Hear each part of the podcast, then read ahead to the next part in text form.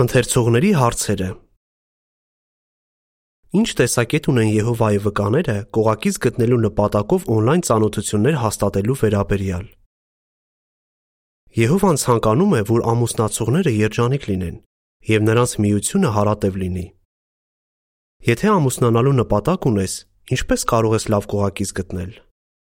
Լինելու մեր ստեղծիչը Եհովան լավ գիտի, թե մենք ինչ պետք է անենք, որ เป զի հաջողություն ունենանք թե մտերմության շրջանում եւ թե ամուսնության մեջ։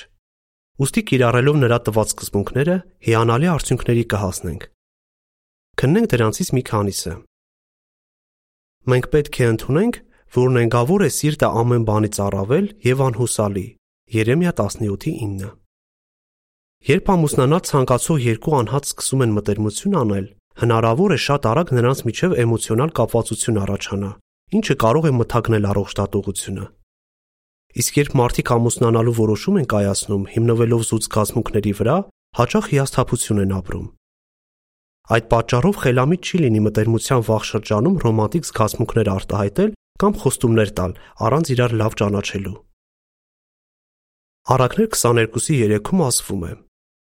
Խորագետը տեսնում է փորձանքը եւ թաքնվում, բայց ամփորձները առաջ են գնում ու պատժվում։ Իրականում ցանոթությունների կայքերը կարող են վտանգավոր լինել։ Ցավոք, ոմանք դառը փորձով են համոզվել դրանում, երբ on-line մտերմություն է սկսել անծանոթ մեկի հետ, ով ի վերջո խაფել է իրենց։ Բացի այդ, նման կայքերում որոշ խարդախ անձինք կեղծ օկտահաշիվներ են բացում, որ เป զի խაფեությամբ փող կորզեն ամփորձ մարդկանցից։ Երբեմն այդ անխիղճ խափեփաները հանդես են գալիս որպես Եհովայի վկա։ Քննենք մեկ այլ վտանգ։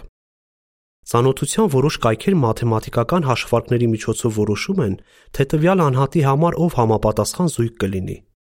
Սակայն չկա որևէ ապացույց, որ նմանատիպ մեթոդները արդյունավետ են։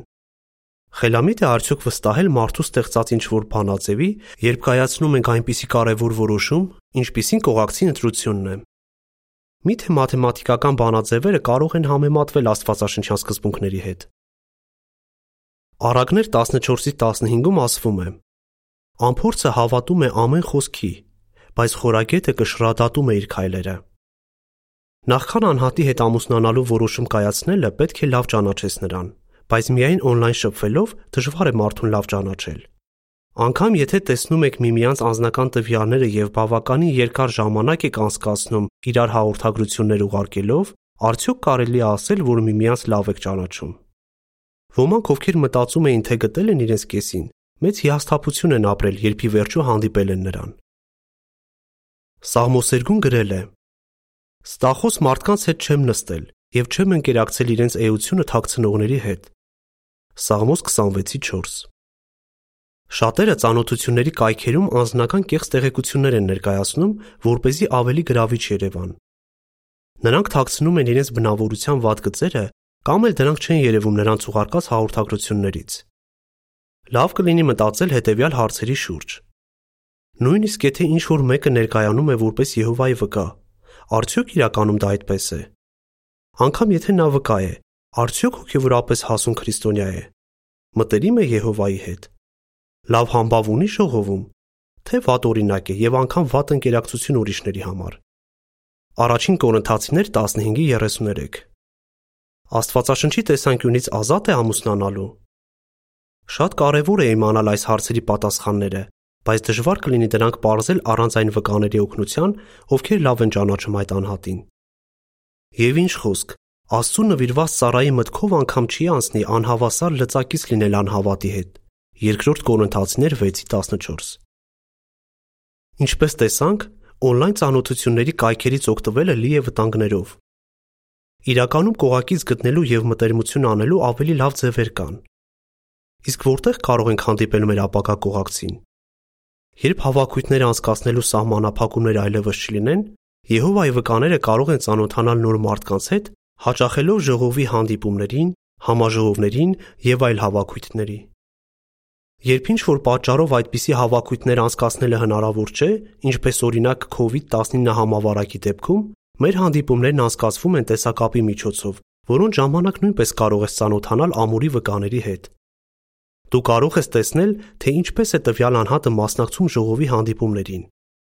Օրինակ, ելույթներ ներկայացնում կամ իր հավատն արտահայտում մեկնաբանություններ տալով։ Դուք կարող եք նաև ժողովից հետո միմյանց հետ շփվել վիրտուալ սենյակում։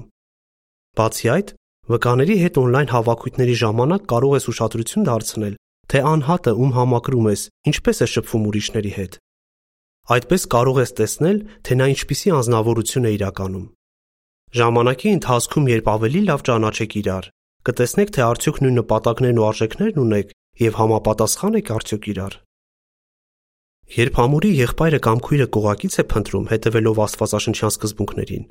ամենայն հավանականությամբ կհամոզվի հետևյալ խոսքերի ճշմարտացիության մեջ. Ինչ որ մեկը լավ կին կամ ամուսին է գտել,